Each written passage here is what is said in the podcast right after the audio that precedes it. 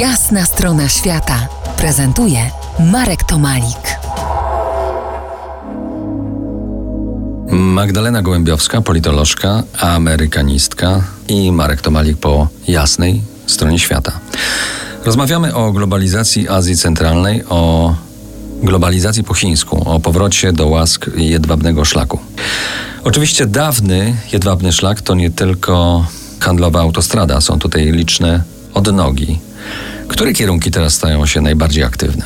Ja myślę, że bardzo, że odżywa przede wszystkim ten główny szlak, czyli ten, który biegł na skraju Taklamakan oraz ten, który biegnie na południe.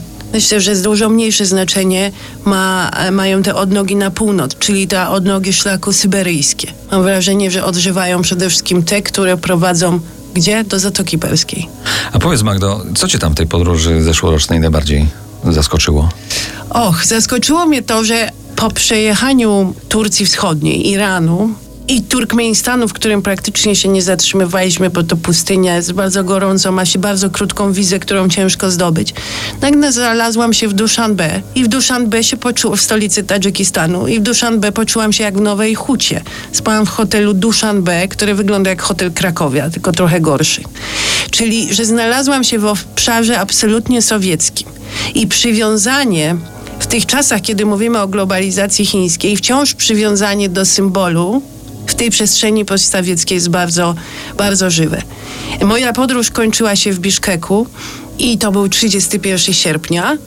I tam E, podobnie było. I tam było bardzo podobnie, ale to były obchody niepodległości. Kiedy Kirgiska Republika świętowała e, rozpad Związku Radzieckiego i to, że odzyskała niepodległość. I jak ją świętowała?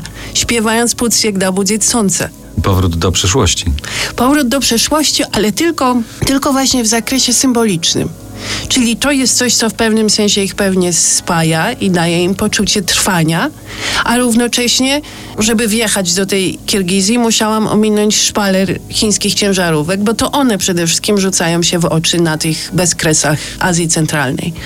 Także zderzenie przeszłości, która jest wygodna, która jest znana, która, w której my także dobrze się czujemy, bo ona daje nam poczucie pewnego bezpieczeństwa. My znamy ten świat. Wiemy, że w hotelu Krakowia pewnie nie zawsze działała ciepła woda, prawda, że coś mogło być nie tak. A z drugiej strony oferta chińska, która jest dla tych um, krajów porzuconych trochę samym sobie, no bardzo atrakcyjna. Teraz zanurzymy się w pięknej muzyce RMF Classic, a za kilkanaście minut wrócimy z Magdaleną Gołębiowską na Jedwabny Szlak. Zostańcie z nami po jasnej stronie świata. To jest Jasna strona świata w RMS Classic.